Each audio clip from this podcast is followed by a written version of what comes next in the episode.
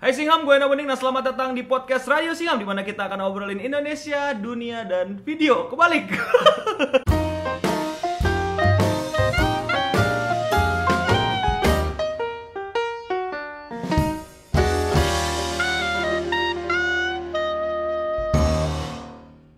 Dan kali ini gue udah sama siapa? Vincent Ricardo. Eh, di sini Singham buat yang belum tahu, eh, selamat datang di Radio Live Singham. Jadi yang menontonnya siaran tunda, eh, selamat datang juga. Tapi kalian tidak bisa menonton full. Jadi ya mohon maaf kalau ada yang nanti di-cut-cut. Tapi yang nonton full, selamat Anda akan mendapatkan full eh, video LED tanpa cut, tanpa sensor. Oke. Jadi 2019 semakin dekat.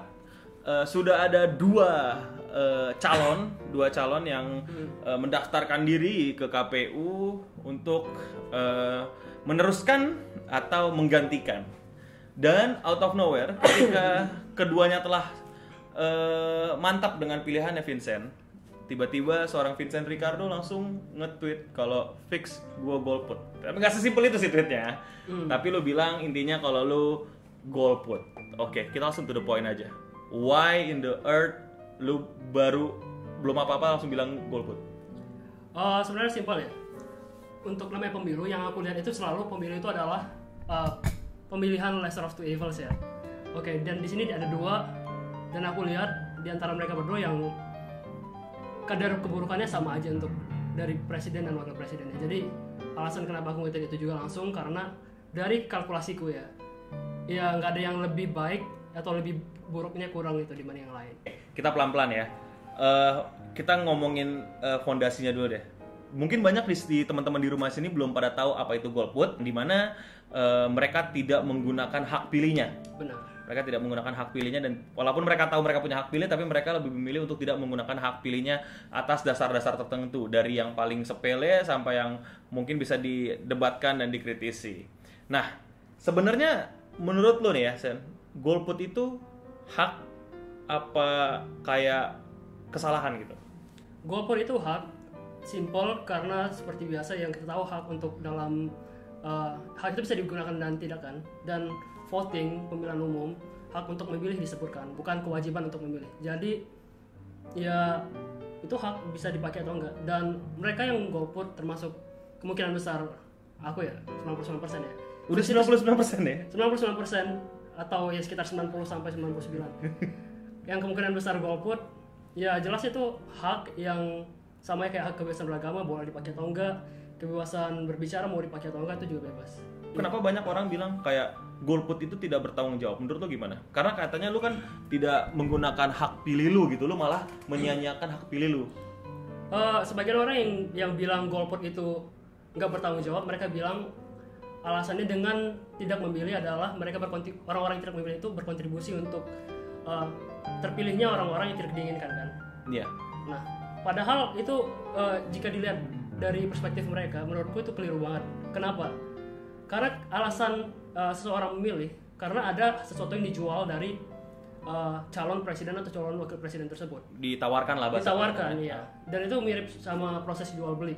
Jadi ketika mereka menjual sesuatu, menjual program, menjual Visi misi. calon visi misi, eh, dan kelihatan orangnya siapa, dan orang-orang nggak tertarik, ya salah mereka. Kenapa nggak memarketingkan produk mereka, eh, visi misi eh, pasangannya siapa aja itu dengan baik dari awal. Misalnya katakan Jokowi yang kemarin tiba-tiba milih Maruf Amin. Hmm. Padahal ekspektasi orang-orang itu seenggaknya Mahfud MD Hmm. dan eh, keputusan mereka termasuk partai-partai yang mendukung Jokowi yang memutuskan Maruf Amin seharusnya mereka yang bertanggung jawab dari lakunya atau enggaknya Jokowi nanti Hmm. dengan Maruf Amin Tim bukan sukses dan koalisinya ya. iya bukan bukan salah mereka yang golput termasuk ya aku juga. Nggak ada hubungan ya misal kayak analoginya gini jual barang. Eh, aku jual kamera harganya 10 juta fasilitasnya ada ya untuk ISO-nya tinggi low light-nya bagus. Kalau ada orang yang jual 10 juta ISO-nya lebih bagus lagi untuk low jauh lebih bagus lagi daripada yang aku jual ya wajar aja nggak nggak laku Hmm, jadi sesimpel kayak dari semua dagangan nggak ada yang membuat lu memilih untuk ngebeli. iya sama Hmm, oke. Sekarang kita masuk ke pembahasannya lebih detail. Vincent, kenapa lu bilang 2019 ini lu udah pasti golput. Mungkin lu bisa bahas dari eh, kedua belah pihak nih. Jadi biar biar balance nih. Hmm, lu mau mulai dari mana? Eh, mungkin dari dari pihak Jokowi dulu kali ya. Pihak Jokowi, oke. Sebenarnya yang agak aneh ini gini, loh. Yang terakhir kali aku buat video itu ngekritik kebijakan Impor eh, ya? Iya impor, yang ada restriksi impor. Itu ada beberapa yang bilang kalau aku pro Prabowo. Padahal di 2014 aku ya benar-benar mm, Jokowi banget gitu 100%. Oh, lu Beneran. lu lu periode lalu bener-bener go Jokowi. Go Jokowi for all. Karena all. karena yang kulihat benar-benar kemarin itu eh lesser of two evils-nya jauh banget Jokowi. Karena Jokowi waktu itu sama JK walaupun JK memang punya masalah juga ya. Eh, ada persoalan-persoalan record yang buruk juga. Tapi ketika dikomparasikan dengan Prabowo dan Hatta Rajasa waktu itu ya, Hmm. itu dia masih jauh di atas. Dan indikator aku memilih Jokowi dulu itu salah satunya adalah HAM, kebebasan sipil, kebebasan berpendapat, terus permasalahan pelanggaran, ya pelanggaran HAM yang pastinya ya. Karena Prabowo punya persoalan itu. Dan yang sekarang ketika dia memilih Maruf Amin, dosa Maruf Amin yang baru-baru ini terjadi, apalagi dalam persoalan kebebasan berbicara, membuat sebagian besar orang yang memilih Jokowi dengan indikator HAM, dengan indikator kebebasan sipil, kebebasan individu, malah sebagian besar malah teman-temanku ya yang dulu dukung Jokowi banget. Kayak kayak, kayak lu gitu ya kayak. Iya. Bu- mereka bukan golput malah 2019 ganti presiden serius Oh, oke. Gara-gara Jokowi milih Maruf Amin? iya Oke, oke, di, di-clearin ya. Lu masih milih untuk golput, iya tapi teman-teman lu yang juga mendukung kebebasan berbicara dan lain-lain malah 2009 ganti presiden. iya enggak semua sih cuman ada sebagian besar yang teman-teman dekatku bahkan Oke. Oke, oke, menarik, menarik. Dan jadi menurut lo eh, dulu lu sebenarnya supporter Jokowi ya. banget Tapi semenjak eh, Jokowi sebenarnya ada masalah sama Jokowinya cuman masalahnya masalah. dengan pilihannya kenapa Maruf Amin Kenapa Maruf Amin? Oke, sekarang lebih detail. Maruf Amin.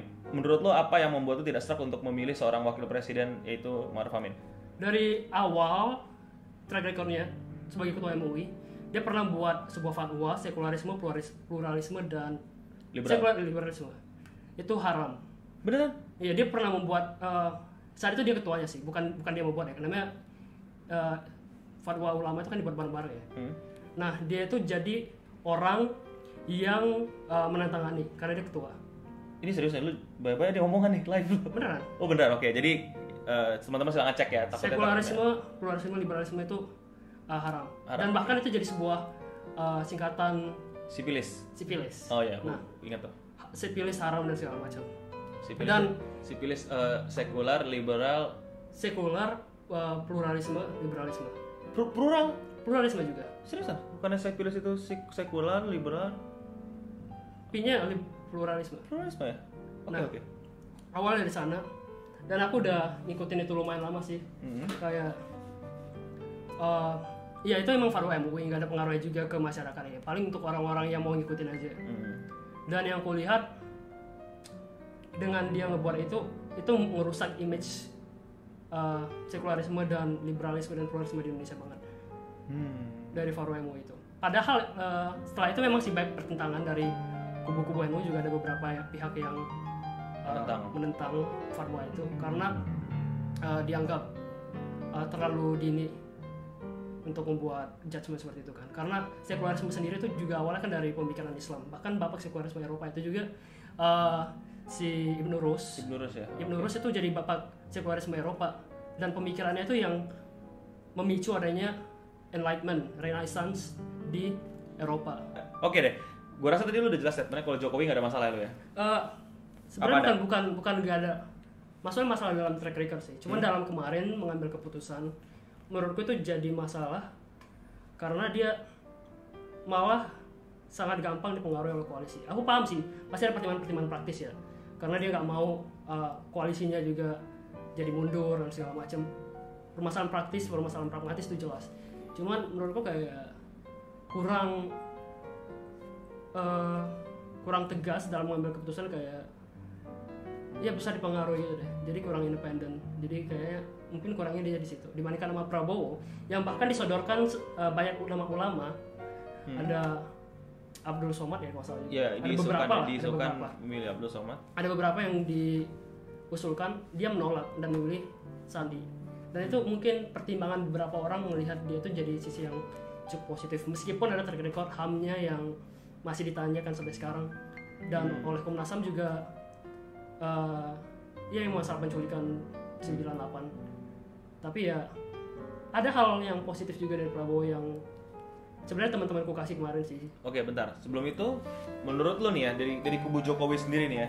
Jokowi kesalahan berarti di lu tadi ya bahwa ke- ketika dia memutuskan untuk memilih Ma'ruf Amin eh di Ma'ruf di situlah lu melihat kelemahannya, lu lihat melihat kekurangannya. Nah, if Jokowi milih Mahmud Mah- Mahfud MD sesuai keinginan sebanyak orang sebelum ini, Hmm.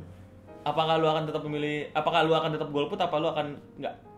kemungkinan besar bakal melihat visi misinya dulu Tapi what if lah, misalnya di, si Jokowi milih Mahfud MD gitu, lu bakal milih Jokowi gak? ada kemungkinan bakal milih Lebih lebih besar kemungkinan untuk untuk milih daripada lebih golput. besar Oke, jadi bener-bener eh, problem besar lu di sini adalah di, di wakil presiden, calon wakil presidennya ya. Maruf Amin bilang dia mau melarang impor dalam artian uh, sektor pangan. Dia ingin ada swasembada segala macam. Dan aku pribadi juga sangat menolak yang namanya restriksi terhadap impor.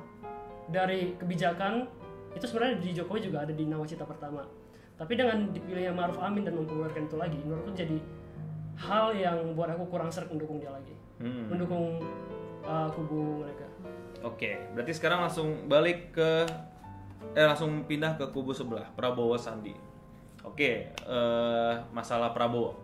Apa yang bisa lo explore di sini dan membuat lo untuk bilang oke Jokowi enggak, Prabowo juga enggak Sebenarnya masalah Prabowo ya udah sering di, dikupas ya. di Kubasa.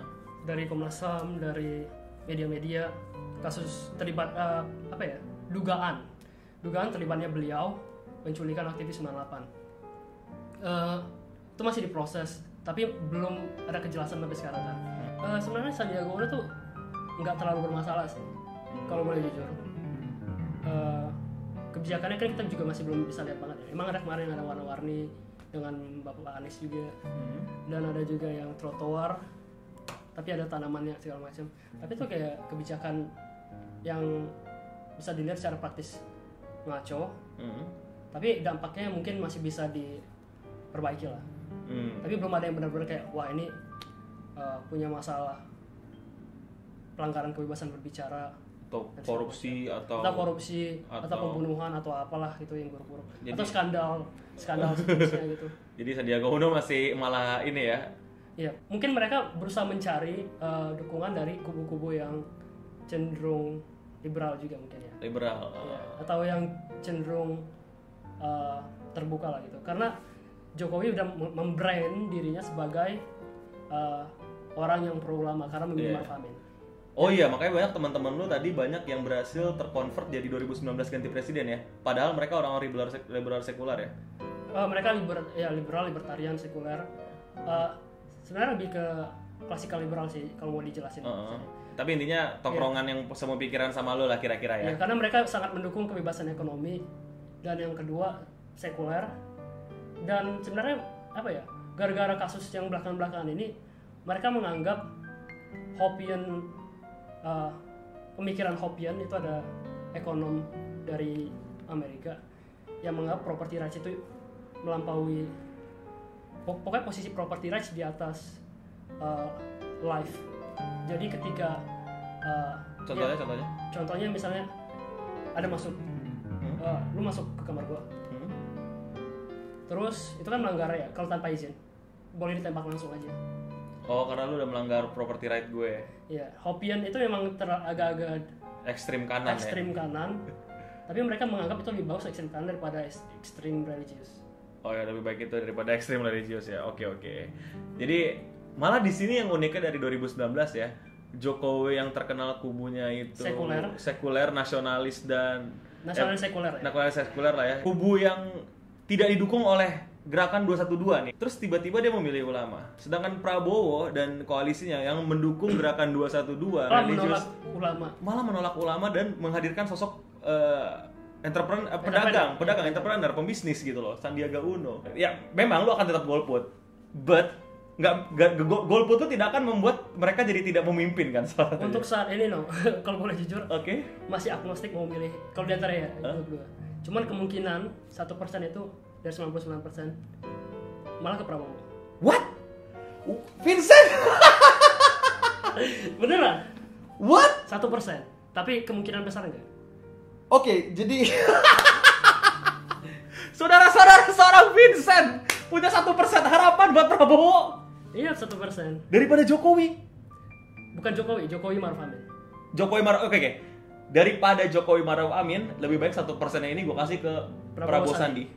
Wow. kalau Jokowi yang lain atau misalnya kayak JK lagi ya aku bakal milih JK lagi Bahkan kalau dia JK lagi pun lu bakal milih JK lagi.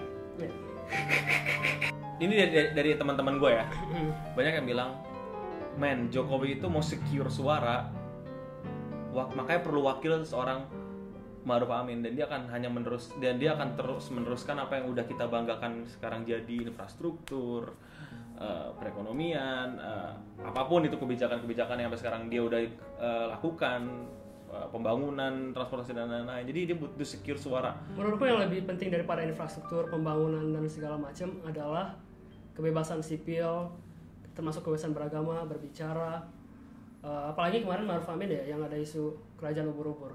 Kerajaan ubur berapa? Tahu nggak? Oh iya, iya itu yang yang menghina ini kan terus dia Maruf Amin bilang dia akan membuat tim investigasi, mengirimkan tim investigasi kalau salah dari beritanya aku baca untuk melihat apakah ada yang namanya apa ya, eh, apakah ada penyimpangan ajaran aliran kepercayaan gitu ya. Oh. Dan menurutku itu suatu hal yang sangat melanggar kebebasan sipil sih. Oke. Kebebasan beragama karena kebebasan beragama itu ya jenisnya absolut. Dan absolut itu bukan cuma di Amerika ya. Eh, yang namanya Kiai Haji Agus Salim mengakui kebebasan beragama itu harus absolut, harus absolut. Bahkan dia pernah menulis tentang itu. A- Agus Salim, buat yang belum tahu, salah satu pendiri bangsa, Ya, dia salah satu anggota dari panitia 9. ya dan dia banyak kontribusi buat negara ini dan dia salah satu tokoh ulama. Salah satu tokoh ulama dan dia membuat juga eh, salah satu yang merumuskan Pancasila. Malah dia adalah Eh, undang-undang dan termasuk pembukaannya. Oh, oke oke. Jadi menurut lo seriusan lo gak mau karena gue lihat banyak eh, yang pro Jokowi itu yang selalu ngedukung Jokowi mereka tinggal bilang kayak "Ya ini demi suara men demi suara dan pasti nanti juga ya nggak mungkin lah katanya Jokowi ngebiarin Maruf Amin me ini ini katanya Makanya aku nggak tahu loh sebenarnya ya. Makanya aku kan nggak bisa bilang tadi. Cuman tuh kayak randomly satu persen bisa aja besok satu persen buat Jokowi. Bisa Dan- aja lusa satu persen buat Prabowo lagi atau buat Jokowi lagi. Kita nggak tahu sampai hari H apa yang terjadi benar-benar. oke Uh, tapi dari track record ya. Dan yang aku lucunya sih ini sih dari kubu-kubu Jokowi. Mereka bilang uh, kita harus maafin Maruf Amin dan segala macam dengan permasalahan segala macam. Karena kita lihat ke depan. Tapi ya persoalan adalah di tahun 2014, aku ingat banget. Uh, kubu Jokowi bilang pilih dari track recordnya. kubu Iya, Jokowi bilang 2014, ketika Jokowi dengan JK, ayo kita pilih pemimpin berdasarkan track recordnya. itu pesan Jokowi 2014 pada saat pemilihan umum ya tim suksesnya lah segala, segala macam. Tapi sekarang ketika dibilang Maruf Amin punya masalah HAM dan segala macam, dia bilang eh, sebagian besar bilang "Eh, kita harus memaafkan dan segala macam. Jadi nggak konsisten juga dengan nilai-nilai mereka. Jadi yang aku lihat nggak ada konsisten dalam prinsip Hmm. dalam di satu kubu. Sebenarnya kubu sebelah juga nggak konsisten juga dengan prinsipnya. oke Makanya kayak masih ada ruang buat aku untuk agnostik di sana nggak memilih menentukan mau Jokowi atau uh, Prabowo. Oke. nah, ada yang bilang kalau orang-orang yang golput itu adalah orang-orang yang berkontribusi terhadap kegagalan negara. Lihat tuh Amerika ya, Trump akhirnya jadi presiden, kacau balau semua. Itu gara-gara yang golput banyak. Pertama kalau Amerika ya, kalau disuruh pilih Hillary Clinton versus Trump, aku bakal milih Trump. What? Oke. Jelas, jujur. Oke, taruh taruh. Oke, kenapa? Kenapa? Ka- Yang gue tahu Trump itu yang sekarang juga kebijakannya yang ngaco. Emang ngaco juga. Tapi kenapa? Hillary juga bakal, ya juga ngaco. Lu nggak sebutin dari tadi masalah hutang Jokowi ini. Ini banyak banget yang nanyain masalah hutang. I don't think it's a problem. Ya emang gak ada masalah dengan hutang. Heeh. Asalkan uh, hutangnya itu tidak uh, lebih tinggi daripada penghasilan negara itu sendiri, maksudnya kayak GDP dan segala macamnya. Hmm.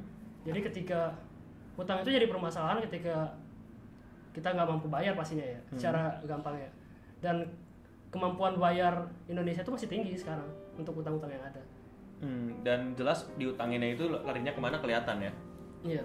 Jadi kalau misalnya lu milih eh, nggak milih Jokowi karena utang eh, agak kurang ini ya, kurang US juga utangnya baik banget loh. iya iya iya. US, China itu utangnya berapa kali lipat dari Indonesia? Hmm. Dan dan ya mereka juara ya apa monster ekonomi dunia kan udah Cina sama Amerika. Jepang juga, Jepang salah satu yang utangnya paling banyak. Eh, apakah berdosa mengajak orang golput? Nggak ada dosanya juga. Nggak ada melanggar hukum. Seriusan nggak melanggar hukum? Kan lo mempengaruhi orang nih. Mempengaruhi orang untuk tidak menggunakan hak pilihnya sama juga dengan mempengaruhi or- orang untuk melakukan menggunakan hak pilihnya kan? Dan itu nggak masalah ya? Itu hak. nggak ada pelanggaran, nggak ada. si- Simpelnya gini, eh, di hukum yang namanya pelanggaran apalagi kriminal ya kejahatan itu ya yang ada di KUHP Hmm. dan di pasal 1 KUHP dibilang nurum, nurum delictum nulla puna sine previa legi punali yang bahasa Indonesia ya segala sesuatu yang tidak diatur yang tidak dilarang artinya ya diperbolehkan Mampus lu dikasih. Ya, Oke, ini, ini ini menarik, ini menarik. Ada yang bilang kalau misalnya eh, kalau misalnya lu golput, kalau misalnya lu ngajak-ngajak orang golput, bukanlah it- bukan kayak itu bagian dari penggiringan eko- penggiringan opini dan lu mengacaukan kondusivitas sosial.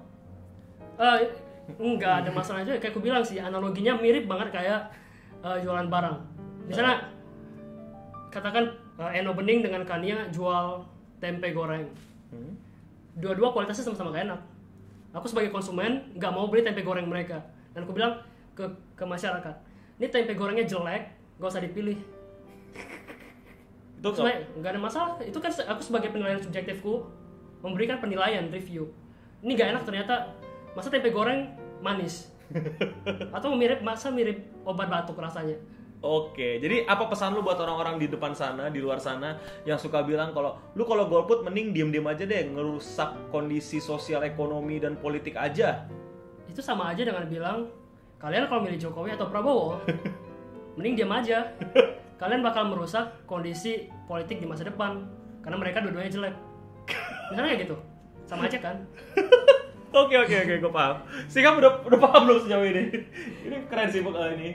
tadi ada satu di atas bilang aku ahoker garis keras Eh, Sebenarnya aku- gue yang ahoker. dia dia ahoker garis keras cuman yang aku bilang adalah yang aku tekankan itu di kebebasan berbicaranya yang kemarin dipersoalkan oleh mereka-mereka yang menganggap itu penistaan agama Yaitu kasus Ahok ya. Iya dan di satu dan di sana Marif Maruf Amin jadi saksi pemberatnya. Bukan persoalan ini Ahok. Kalau itu Rocky Gerung juga udah dari kubu sebelah. Dia kubu sebelah nggak sih? Enggak ya? Nggak ngerti. Tapi dia emang enggak. Kalau Rock- ini kalau dia, dia dia kritis ya. oke. Ya kalau gue ngomongin Rocky Gerung ya, sentimen terhadap penguasa itu adalah da- ada di hati dia gitu. Oke. Mau siapa Oke katakan bukan Rocky Gerung deh. Katakan dari kubu Misalnya Fadlizon, Fadlizon. dia juga kan kepers keselepet lah Ya, lidahnya, keselepet. Ya dia mau ngomong apa pun itu hak dia nggak perlu dipenjarakan, apalagi pakai penistaan agama, ujaran kebencian dan dan lu, lain-lain. dan lu akan menolak dia dipenjarakan hanya karena Betul. penistaan agama. Walaupun kayak dalam hati, wah ini orang nggak jelas banget. Ya gitu. Tapi ya terserah dia mau ngomong apa. Karena itu bagian dari kebebasan berpendapat dan kalau kalau walaupun yang ngomong adalah yang lagi berseberangan sama lu itu malah kan bahkan meluka, bakal melukai Bahkan eh, itu pun yang pro khilafah mau bilang, wah saya pro khilafah A B C D E F G Hmm? dan di, alasannya A B C D E F G.